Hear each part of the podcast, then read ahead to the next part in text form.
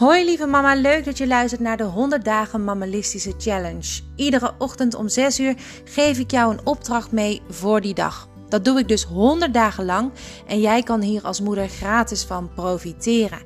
Ik doe dit om jou als moeder kennis te laten maken met het mammalisme. Iedere dag maak je kennis met een klein stukje uit de training die ik voor jou aan het ontwikkelen ben. Hopelijk word jij hier net als ik heel blij van.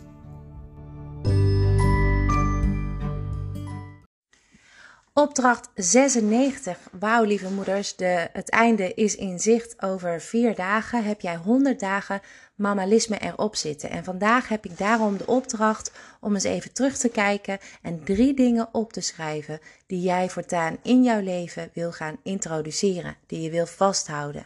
Misschien wil je net als ik eigenlijk op het moment vooral heel duidelijk proberen te maken van die vaste momenten in jouw leven creëren om heel even het overzicht te geven. Te bieden aan jezelf, aan je hoofd, maar ook aan je gezin.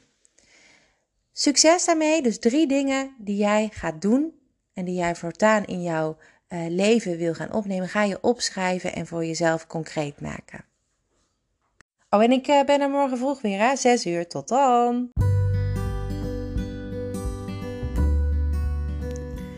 Lieve mama, succes vandaag. Maak er een dag vol mooie momenten van. Probeer de opdracht te volbrengen en kijk er vanavond vol trots op terug.